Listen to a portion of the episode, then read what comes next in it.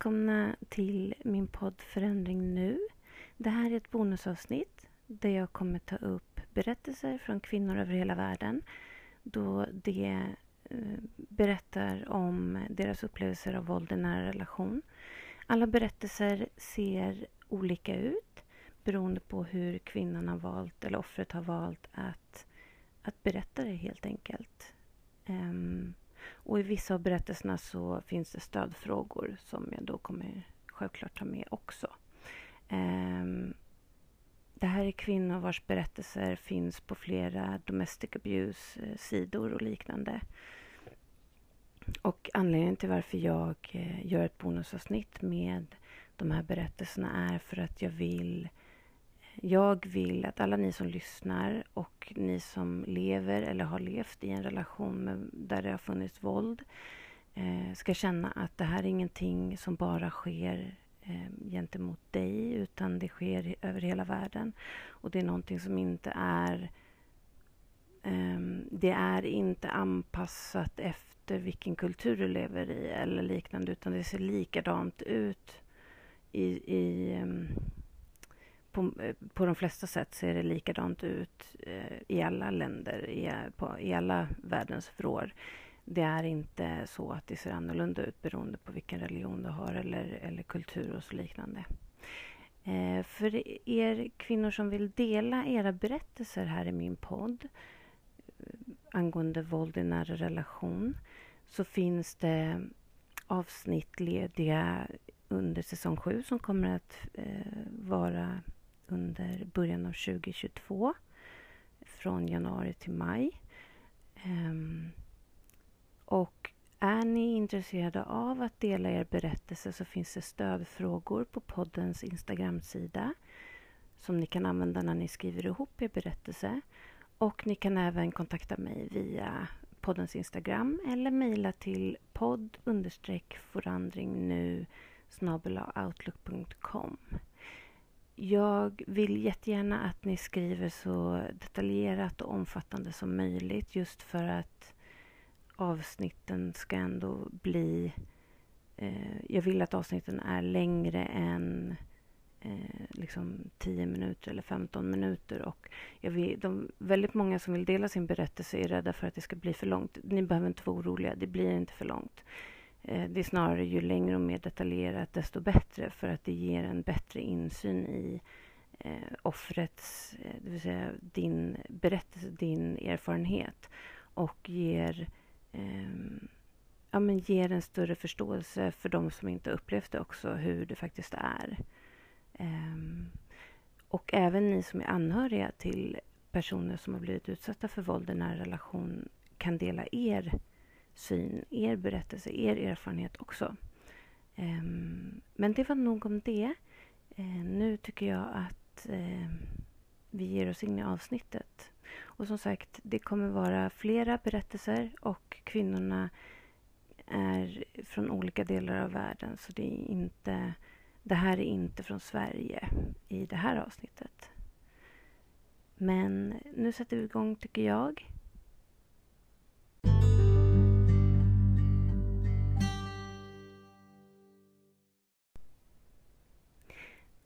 Anns historia. Jag hade sett den här killen i drygt tre månader. Vi drack båda mycket. En kväll blev han riktigt arg på mig och han kallade mig många namn och tryckte mig sen mot väggen. Jag blev riktigt rädd. Men han sa att han var ledsen och att han aldrig skulle göra det igen. En annan kväll så ville han ha sex och jag bad honom att sätta på kondom. Han sa att han inte hade en. Jag bad honom att sluta, men det skulle han inte. Han sa att det inte spelade någon roll. Att jag inte skulle oroa mig. Först skrattade jag för jag trodde att han skämtade. Men sen insåg jag att han var seriös och jag blev rädd. Jag sa till honom att sluta, men han slutade inte.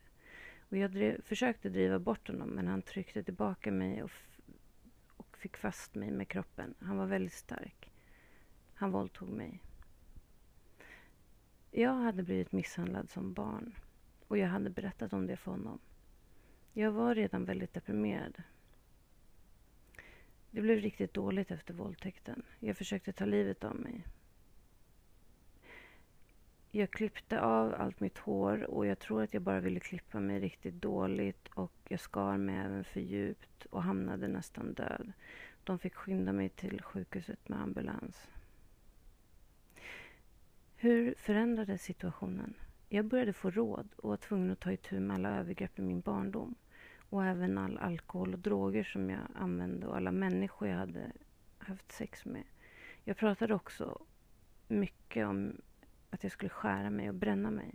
Jag höll på att bli galen och allt jag kunde tänka på var att ta livet av mig. Jag hatade verkligen mig själv. Men att få rådgivning och en stödgrupp och antidepressiva mediciner hjälpte mig verkligen. Mina systrar och mina vänner räddade mitt liv och jag tog dem genom helvetet. Jag började inte riktigt ändra mig förrän jag en natt kände med min kropp att jag inte var skyldig. Jag var verkligen trött och gjorde så gott jag kunde. Jag insåg att jag var tvungen att förlåta mig själv för vissa saker. Att jag inte var skyldig. Och jag insåg att jag måste förlåta mig själv för mina misstag. Vad skulle du säga till alla andra som är i liknande situation? Missbruk blir inte bättre om du inte gör något. Det blir bara värre. Du måste vara din egen vän. Du måste ha medkänsla för dig själv och du måste förlåta dig själv. Du förtjänar bättre. Du är en värdefull människa och du förtjänar att bli behandlad med respekt. Du kan aldrig ge upp. Och skada inte dig själv. Vänta där, du är inte ensam. Det här var en liten kortare berättelse och det var lite mer fokus på själva missbruket som hon hade. Men eh, om man ser på det med, med öppna ögon och verkligen lyssnar så eh, blev hon ju våldtagen och syftet med den här berättelsen är att visa på hur, hur lätt det är för, för många förövare att utnyttja eh, kvinnor, eh, personer som redan mår dåligt och få dem att må ännu sämre. Nu ska jag berätta om Janes historia. Min resa till helvetet och tillbaka började för 12 år sedan. Jag träffade honom när han flyttade in bredvid mig. Vi blev vänner och senare så flyttade han in hos mig. Han var en riktig charmös. Han var en rebell och livet blev snabbt och spännande. Fester, dans, dricka. Jag såg det inte komma. Vi var ute med några av hans kompisar och han hade druckit hela dagen. Och sen kom hans gamla flickvän. Jag blev upprörd eftersom han satt på hennes knä och kysste henne. Så jag gick och satte mig i bilen. Han kom och tjatade, så jag stängde dörren. Han stack näven genom passagerarfönstret och drog mig igenom det. Efter att ha fått ett slag i huvudet körde en av hans vänner hem mig. Hemma så försökte jag ta hand om huvudet. Jag hade väldigt ont. Jag hade fått rivmärken och blåmärken. Men det som gjorde mest ont var det som inte hände alls. Han reagerade inte. Han förstod inte hur ledsen jag var och rädd jag blev.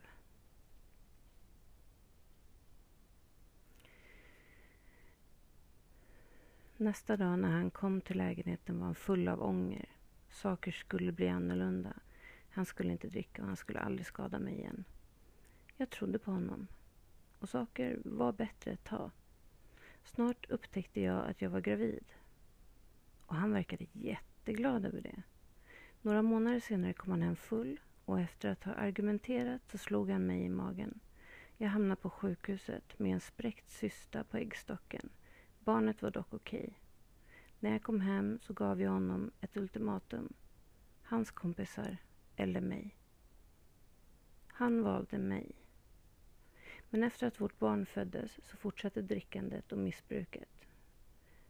Jag stannade eftersom jag, jag kunde inte se en väg ut. Kortare tider när han var nykter så var det, det verkade trevligt. Mitt sätt att leva blev att flytta från ett hus till ett annat tillsammans med honom eftersom människor blev medvetna om min situation. Även fast jag hade lärt mig att gömma blåmärkena och han var bra på att inte lämna dem där de kunde ses. Under åren tog jag ut flera interventionsorder på honom som jag sen släppte när han lovade och ibland till och med hotade mig. På vårt barns födelsedag så fick han ett fängelsestraff på flera månader för rattfylleri och misshandel mot en polis. Och jag fortsatte att stanna hos honom. Under hans tid i fängelset så besökte jag honom ofta och han lovade så mycket. Inget mer dricka, inget mer missbruk. När han lämnade fängelset så hade det gått ett bra tag och jag hoppades att hans tid i fängelset hade förändrat honom. Jag blev gravid igen. Den här gången med tvillingar. När jag var gravid så flyttade vi återigen. Den här gången för att vara närmare hans familj eftersom jag skulle behöva hjälp och stöd med tvillingarna. Det här var ett drag jag aldrig skulle ha gjort. Hans far hade också alkoholproblem. De hade väldigt dåligt inflytande på varandra. Under min graviditet så misshandlade han mig om och om igen. En annan gång drog jag en kökskniv mot honom och han skrattade eftersom han visste att jag inte skulle använda den. Han spottade i mitt ansikte istället. Det var tillfällen när han var på hotellet med sina föräldrar istället och jag bad att han skulle knacka på min dörr och berätta att, han, att någon skulle knacka på min dörr och berätta att han var död snarare än att möta honom när han kom hem. Jag var instängd och de enda jag kände var hans familj. Jag hade ingen väg ut. När våra nya barn föddes så fortsatte det precis likadant som innan. Jag såg efter barnen han gick till hotellet eller gick ut för att röka. Ja, ni förstår vad jag menar. Livet var tufft och ofta fanns det inga pengar till mat. Jag slutade äta så vi hade pengar längre. Och så länge han hade sin öl så brydde han sig inte. Han klagade när bebisarna grät och sa till mig att hålla käften eller annars. Varje dag levde jag i rädsla och jag visste aldrig hur hans humör skulle vara från dag till dag. En dag lämnade jag honom för att ta hand om tvillingarna så jag kunde hämta vårt äl... Jaha, förlåt. En dag lämnade jag honom för att ta hand om tvillingarna så jag kunde hämta vårt äldsta barn från dagis. Jag återvände hem för att se att en av tvillingarna var kall och skakade och jag blev livrädd. Det visade sig att de hade en smutsig blöja och han hade lagt dem i badet med en kall dusch igång, mitt i vintern. Några veckor senare, när jag samlade en av tvillingarna från hennes, när jag hämtade en av tvillingarna från hennes barnsäng så fann jag att hon hade en filt över sig och en skjorta lindat runt hennes huvud som pressades in i hennes mun. Snabbt tog jag bort den och hon flämtade efter andan. Jag blev chockad och arg. Hur kunde han göra så här mot sitt eget barn? Jag konfronterade honom direkt och ringde hans föräldrar för att få hjälp. När hans föräldrar kom var hans far berusad och sa det är okej son, jag vet att hon skämtar. Han svängde några slag mot mig i luften och gick sen, för att, och gick sen till sina föräldrar över natten.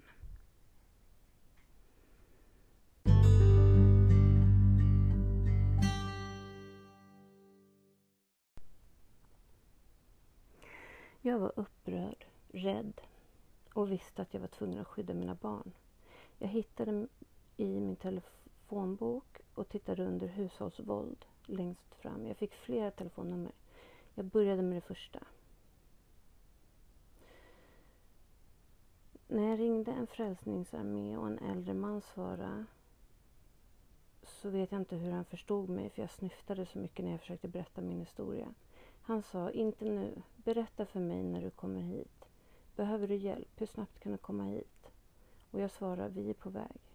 Jag tog tag i min låda med fotoalbum, en sopsäck med kläder för barnen och mig själv. Jag tog min hund som varit en lojal vän i många år och vi gick. Jag körde tidigt den morgonen och jag var lite rädd för framtiden. Men inte som jag hade varit varenda dag under de senaste fem åren. Äggskal som jag hade trampat på var borta. Mina barn kunde gråta och jag behövde inte skaka dem. Jag var fast besluten att vända mitt liv nu. Jag tillbringade en vecka på den fristaden innan jag flyttade till ett annat ställe. Jag bytte namn och började bygga om mitt liv. Några, senare, några månader senare flyttade jag in i ett bostadskommissionskontor. Jag vet inte riktigt hur man över, översatte det från, från eh, engelska, men ett bostadskomplex tror jag man kan säga. Jag fick ett deltidsarbete och jag hade börjat få vänner för första gången sedan jag lämnade skolan. Livet var jättebra. 14 månader senare, efter jag hade litat på fel person, så kontaktade han mig. Han vädjade till mig att han hade förändrats. Han hade varit på rådgivning, ilskahantering etc. etc. Han var riktigt övertygande. Hans gamla charm var tillbaka. Jag gick med på att prova, men sa att det måste gå långsamt. Han kunde inte leva med mig. Och inte mer alkohol. Han såg oss en gång i månaden till att börja med. Och då bodde han långt borta. Snart flyttade han också till staden där jag bodde. En helg, när han bodde hos oss, så började han dricka. Vi bråkade och jag bad honom att lämna. Han vägrade. Jag gick och ringde polisen. Han slog telefonen i mina händer och tryckte ner mig på knä. Han la ena handen runt min hals och pressade. Jag kunde bryta mig loss och jag sprang ut genom ytterdörren. Han kom ikapp mig i grannens trädgård, drev mig till marken och började slå och sparka mig. Jag trodde han skulle döda mig. En kvinnlig röst ropade att hon ringt polisen och han flydde. Jag tror att om det inte var för den främlingens ingripande så hade inte jag varit här idag. Han åtalades för misshandel. Men han släpptes tidigt för gott beteende. Jag blev besviken på rättssystemet. Eftersom domstolen hade tillåtit honom att ha kontakt med barnen så var jag tvungen att fortsätta möta honom varannan helg. Jag ville in, inte ha någonting att göra med honom. Han accepterade inte att förhållandet var över och en natt så åter han, återvände han till mitt hus och han började krossa fönstren. Barnen var inte där. Jag ringde polisen och han greps. Jag har inte pratat med honom sedan dess. Jag kämpar fortfarande mot honom i rätten. Han vill ha kontakt med barnen. Han har suttit i fängelse flera gånger efter detta för liknande brott som det han utsatte mig för. Det är en lång process och jag hoppas att det snart kommer ta slut. Vi flyttade till ett nytt hus och även om jag fick rådet att flytta till någon annan stad så bestämde jag mig för att stanna. Jag hade ju byggt upp ett nätverk av vänner och support i den här stan. Han tänkte inte slå mig igen. Frälsningsarmén hade gett oss så mycket stöd. Jag vet att det alltid finns någon som jag kan prata med, någon som kommer lyssna och till och med be för mig ibland om jag behöver dem. Jag ville göra något för mig själv och för tre år sedan gick jag med i en äktenskaplig konstklubb. Genom klubben har jag fått nya vänner. Jag är inte längre rädd. Jag har självförtroende.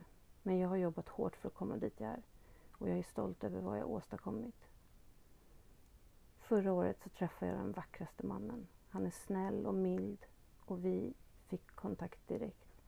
Bäst av allt är att han tycker att barnen är underbara och barnen tycker att han är underbar. Han har alltid tid för dem, han lyssnar på dem, läser, lagar skolluncher, fixar cyklar och spelar fotboll med dem. Mest av allt så älskar han dem som sina egna. Vi spenderar tid med att kampa, fiska. Han får oss alltid att känna oss trygga. Vårt liv är komplett och jag är tacksam för varje dag för jag har honom i mitt liv. Jag kommer uppskatta vad framtiden ger och vi planerar vårt bröllop till nästa år. Mitt råd till andra.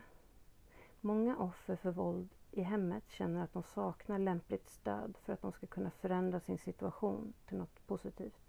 Men efter äntligen ha vidtagit åtgärder för att befria mig själv och mina tre barn från upprepade övergrepp så vet jag att det är möjligt.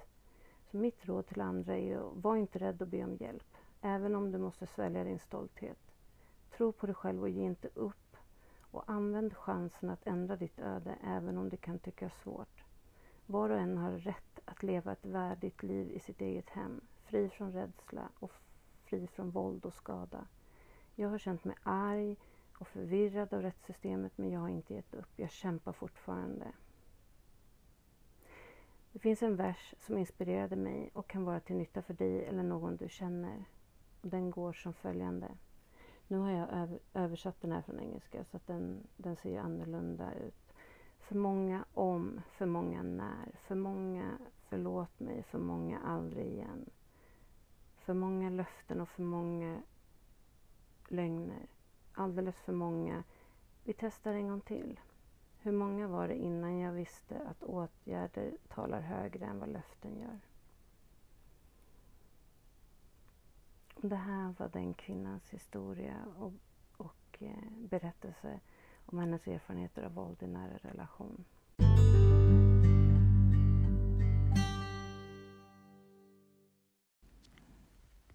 Och nu kommer jag berätta Katrins historia. Katrin levde i ett våldsamt äktenskap i flera år. Jag var väldigt naiv först och visste verkligen inte att det fanns människor som honom. Han skulle sparka mig, slå mig, knuffa mig, kasta saker på mig, sparka på mig ännu mer, skrika, kränka mig och listan fortsätter och fortsätter. Men enligt honom så slog han mig aldrig. Faktum är att han skulle säga till människor att han inte tål våld i nära relation och män som slår sina hustrur. Han skulle berätta för mig att han inte ville att barnen skulle leka med, med så och så eftersom de hade ett dåligt inflytande på barnen. Andra föräldrar alltså, menar hon på. Han försökte isolera oss från alla som älskade oss och nya människor som vi träffade skulle genomgå eh, massa prövningar av honom för att se om de dög att vara i våran omgivning eller närvaro. då. Livet var ett konstant helvete. Rädsla och skräck och han skyllde alltid på barnen eller mig när han utövade våld. Det blev mycket värre mot slutet. Han eh, skulle till exempel hota med att köra oss alla av vägen i bilen och döda oss. Våldet blev en daglig händelse. Om inte flera avsnitt om dagen. Hur klarade jag mig då? I grund och botten så klarade jag mig genom att försöka hålla honom lycklig så han inte skulle göra de här sakerna mot oss. Jag trodde länge att det var mitt eller barnens fel. Jag grät mycket när han inte var hemma. Jag tappade all min tro på mig själv.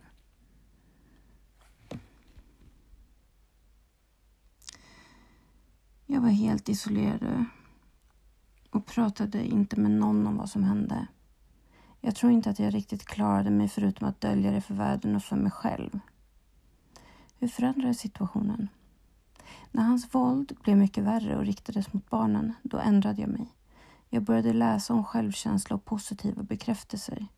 Jag kontaktade en vän som jag brukade känna och som arbetade på ett kvinnocenter. Och när jag pratade med henne så fick hon oss, mig att inse att vi inte var ensamma. Slutligen så började jag se verkligheten som den var, på riktigt. Och när vi gick så trodde jag innan att han skulle döda oss eller efter jag hade gått. Vad hjälpte mig då? Kvinnorna på kvinnocentret har hjälpt mig mycket. Stöd och förståelse och att dela erfarenheter.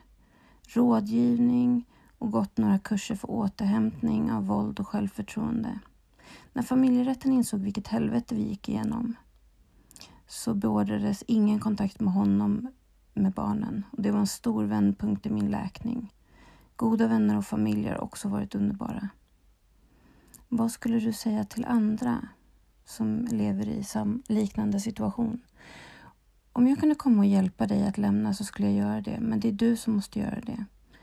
Att lämna permanent är det enda som kommer förändra situationen.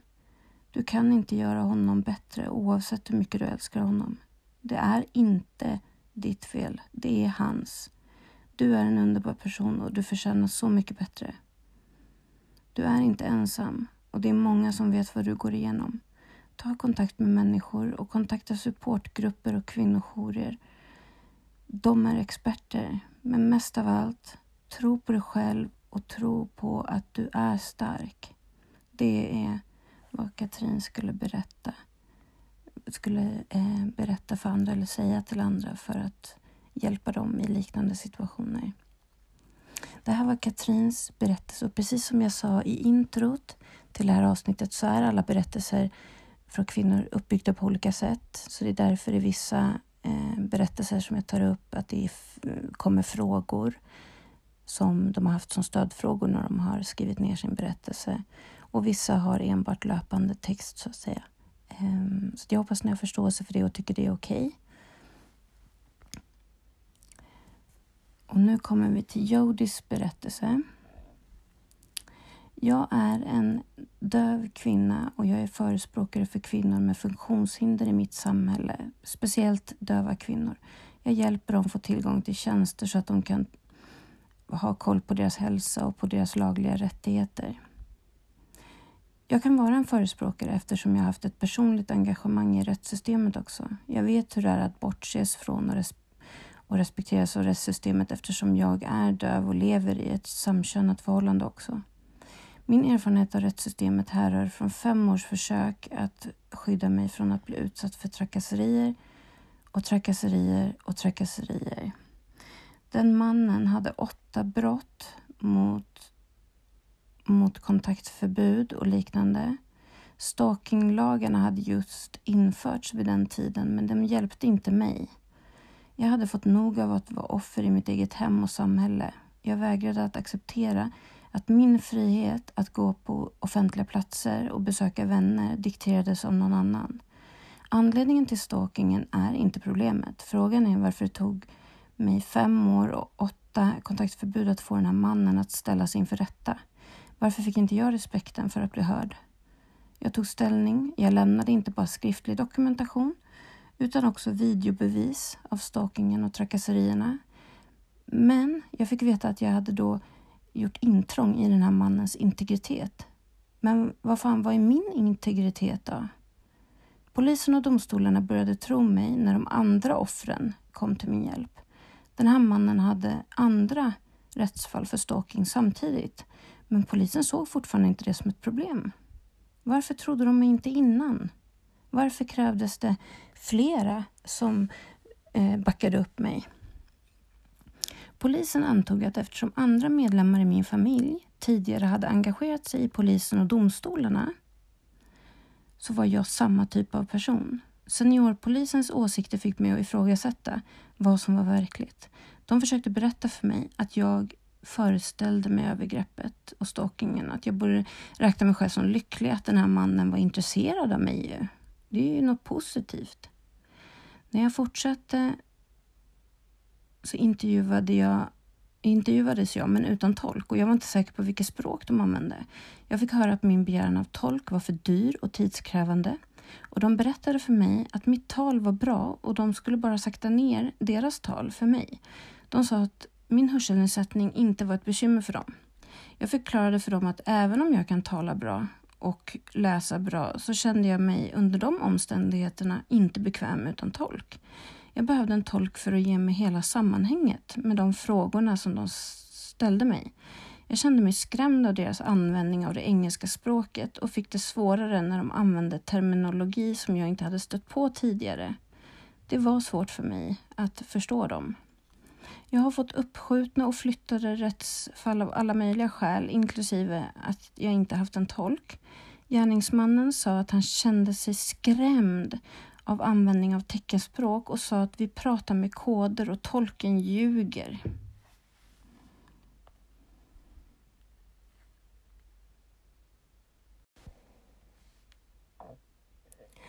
Även en av domarna förstod inte det tvåkulturella tvåspråkiga, alltså döva och inhemska, engelska Aslan, sättet som jag presenterade mig själv och sa att jag tittade ner och inte på honom direkt vilket i min kultur är ett tecken på respekt. Varje gång jag var tvungen att ge bevis så var jag tvungen att återuppleva trakasserierna och övergreppen som orsakades av den stakande mardrömmen. Vad var min rätt till en rättvis domstolsförhandling? Var var min rätt att stödja och använda mitt eget språk som en kvinna som behövde skydd? Men nu har jag lärt mig en värdefull lektion om systemet. Det är inte perfekt och det skulle vara orealistiskt att tro att det är det. Men jag har identifierat luckorna i systemet. Oavsett om kvinnan har ett funktionshinder eller ett språkligt problem eller om förövaren eller offret eller om de är förövaren eller offret, förlåt, så bör de hanteras på ett lämpligt och professionellt sätt. Jag säger inte att kvinnor med funktionsnedsättning ska få särskild behandling. Det vi söker är rättvisa och lämpliga supporttjänster en tydlig förståelse av lagen och en medvetenhet om vilka som är nyckelaktörerna i rättsprocessen och som så småningom kommer att ge oss skydd. Jag är en kvinna som har överlevt hemska övergrepp och trakasserier. Jag är en kvinna som har en funktionsnedsättning och som har navigerat mig genom systemet och jag överlevde. Jag hoppas att jag kan ge andra kvinnor möjlighet att lyckas och uppnå det de vill om de verkligen tror på sig själva. Och oavsett kön, ras, funktionshinder, religion och sexuell läggning så är vi alla kvinnor först. Tillsammans kan vi stödja varandra för att övervinna sån segregation inom våra samhällen. Det var alltså Jodis berättelse och det var för att ge en liten inblick i hur hon behandlades av rättssystemet för att hon eh, alltså, eh, då hon hade ett funktionshinder, hur det blev ännu svårare för henne än om hon inte hade haft det. Och det är tillräckligt svårt även om du inte har ett funktionshinder som till exempel att man är döv.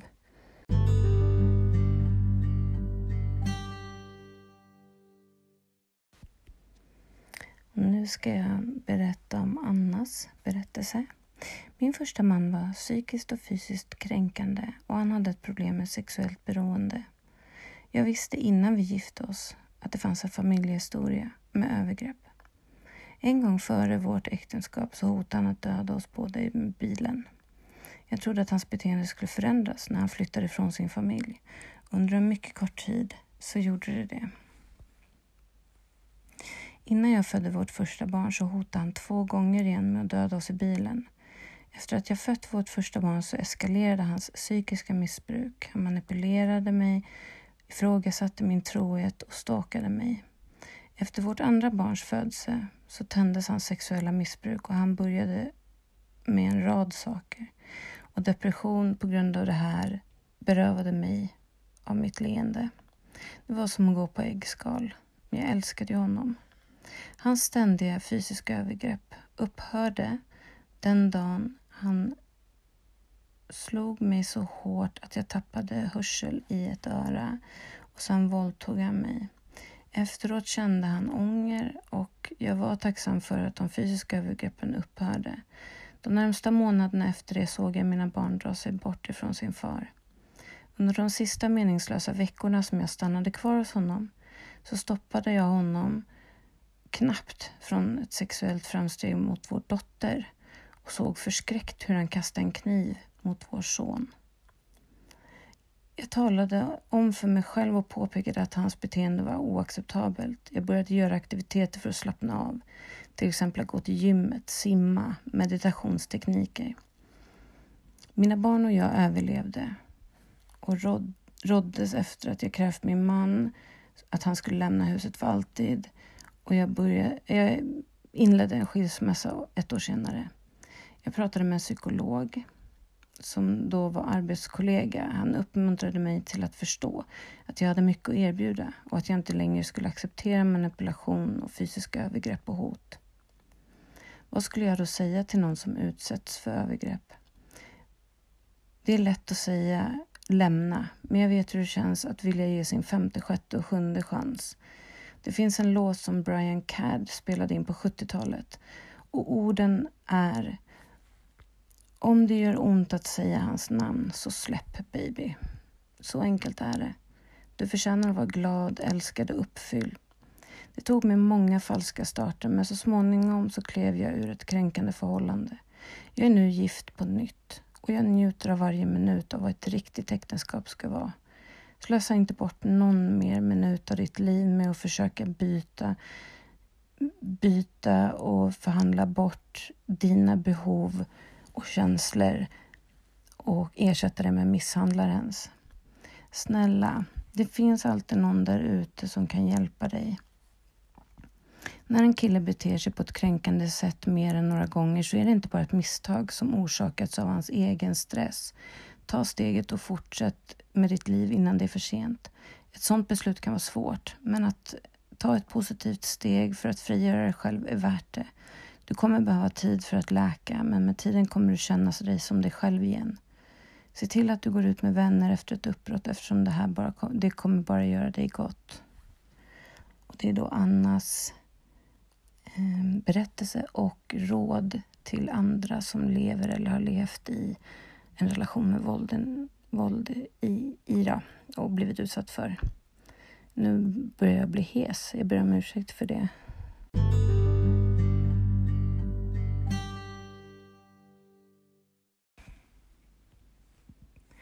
Det här är Sallys berättelse.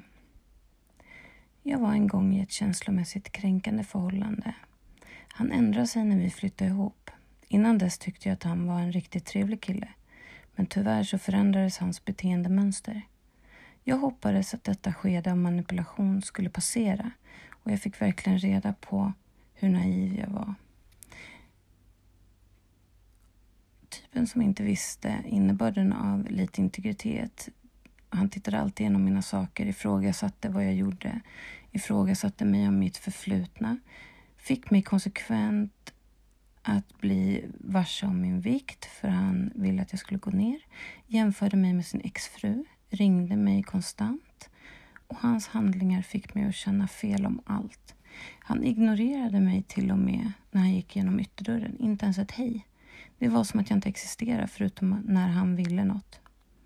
Att bli kär betyder inte att killen är rätt för dig. Alla former av övergrepp bör tas på största allvar. Så småningom drog jag mig tillbaka och höll allt för mig själv. Jag började till och med att bli deprimerad. Vid en tidpunkt visste jag inte längre vem jag var. Jag lärde mig att säga vad jag tänkte och påpekade för honom att jag inte skulle klara av den här typen av kränkande beteende mycket längre. Jag tog upp aktiviteter för att slappna av själv. Jag gick en promenad varje dag, mediterade, pratade med en nära vän om det. Att prata med någon fick mig att...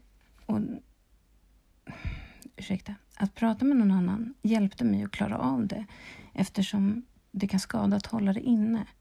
Även att tala med en familjemedlem kan göra underverk. Hur förändrades situationen då?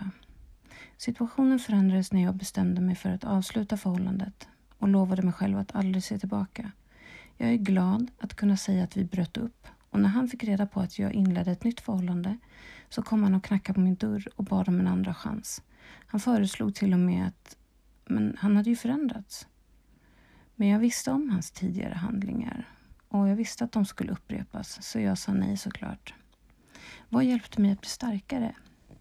Jag fick mig att bli starkare. Jag strukturerade mitt tankemönster för att inte längre tolerera att han manipulerade mig och skrämde mig. Jag skrev ner mina tankar och känslor på papper, typ som en dagbok och det hjälpte mig att utveckla styrka. Och vad jag skulle säga till någon som utsatts för övergrepp, snälla någon där ute, för närvarande i någon form av kränkande förhållande. När en man beter sig på ett kränkande sätt mer än några gånger så är det inte bara ett misstag som orsakas av hans egna påfrestningar. Det är det som kallas karaktär. Så ta steget och fortsätt innan det är för sent. Ett sådant beslut kan vara svårt, men att ta det kommer verkligen göra dig gott.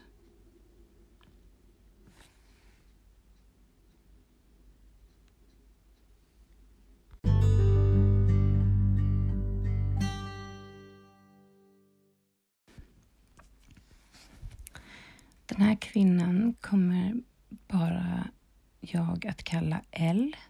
Vill inte uppge något namn. Min man kränker mig psykiskt. Han var så här medan vi dejtade, redan då. Inte först förstås, men med tiden så blev det uppenbart.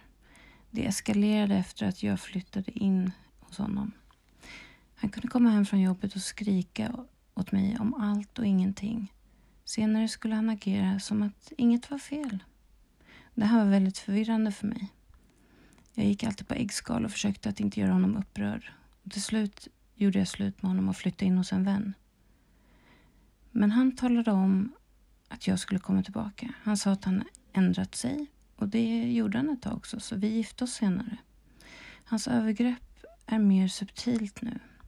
Han har aldrig slagit mig och jag vet att han inte kommer göra det. Eller... Nej, jag vet inte. Jag tror att det kommer komma till det, men inte just nu. Dock kontrollerar han mig kraftigt. Han fattar alla beslut som påverkar oss båda och han ber aldrig om vad jag tycker. Det här är mycket oroande för mig. Han sa en gång till mig att eftersom han var mannen så var det hans jobb att sköta reglerna och jag skulle lyda dem eftersom jag är hans fru. Jag har sökt professionell rådgivning och det har hjälpt. Nu står jag upp mot honom när han ger order. Situationen har inte riktigt förändrats. Jag tror att han blir frustrerad över mig. Han drar sig tillbaka, skriker och ger mig ingen kärlek. En gång sa han att han ville skiljas. Det var då jag sökte rådgivning. Men han går inte med mig dit. Rådgivningen har gjort mig starkare. Sen har jag också nära vänner och familj som jag vet alltid kommer att finnas där oavsett vad. Och vad skulle jag säga till någon som utsatts för övergrepp? Om du funderar på att gifta dig med den här personen, tänk två gånger på det. det kan, han, självklart kan alla människor förändras, men oftast inte utan professionell rådgivning. Om du har ett långsiktigt förhållande så föreslår jag, föreslår jag starkt rådgivning för ditt eget förnuft. Det kan lära dig att stå upp för dina rättigheter och säga nej. Det var de berättelser som jag tänkte ta upp i det här eh, bonusavsnittet. Ni kanske frågar er varför jag eh, har valt att ta upp berättelser från kvinnor på andra sidan jordklotet och liknande. Men jag har valt att göra det för att jag vill att det ska börja finnas en förståelse för att det här är, är en, ett våld som eller en, eh, det här är ett beteende som används över hela världen. Oberoende av kultur och religion och liknande så ser det ut på ungefär samma sätt överallt. Och kvinnor över hela världen drabbas av det här. Och eh, jag tror att när man lever mitt i relationer där man utsätts för våld eller under eftervåldet så kan det ge en form av eh, känsla av att man inte är helt ensam. För att ja, berättelser från Sverige, självklart så, så ökar ju det förståelsen om man känner sig mindre ensam och liknande. Men eh, för att man ska få bort de här tankarna på att det kanske är så som du är eller det kanske är på grund av religionen som, som personen har eller det, kulturen eller liknande så kan man slå bort dem. För det är inte så. Det här beror på personen som utför handlingarna, ingenting annat. Eh, sen kan man diskutera om det är uppväxten eller om det ligger genetiskt, eh, de här beteendena. Det, det är en helt annan fråga. Men jag tror att det kan skänka en viss form av lite, lite lugn och, och eh, trygghet i att det faktiskt sker över hela världen. Det är inte bara här i Sverige och det är inte bara en viss typ av människor som drabbas av det här. Det är kvinnor från alla olika skikt i samhället och, och eh, av män i alla olika eh, eh, delar av samhället, så ska jag kanske säga. Jag tappar bort orden. Eh, men ni som vill kontakta mig så finns jag på Instagram. Gå in och följ gärna. Eh, heter ju Förändring Nu-podden. Där kan ni även skicka meddelanden till mig om ni vill veta hur ni ska, eh, kan dela er berättelse i den här podden. Det finns även stödfrågor där ifall ni vill skriva ner er berättelse och, och, dela här i podden så kan ni skicka den. Ni kan kontakta mig antingen där via Instagram då eller via poddens mail som är podd, podd understreck forandring nu i ett ord då, snabelaoutlook.com Och eh, det var det för det här avsnittet och jag hoppas att ni att ni tyckte det var ett bra avsnitt för det kommer komma fler som bonusavsnitt som är likt det här. Eh, ja, det var det. Sköt om er så hörs vi i nästa avsnitt.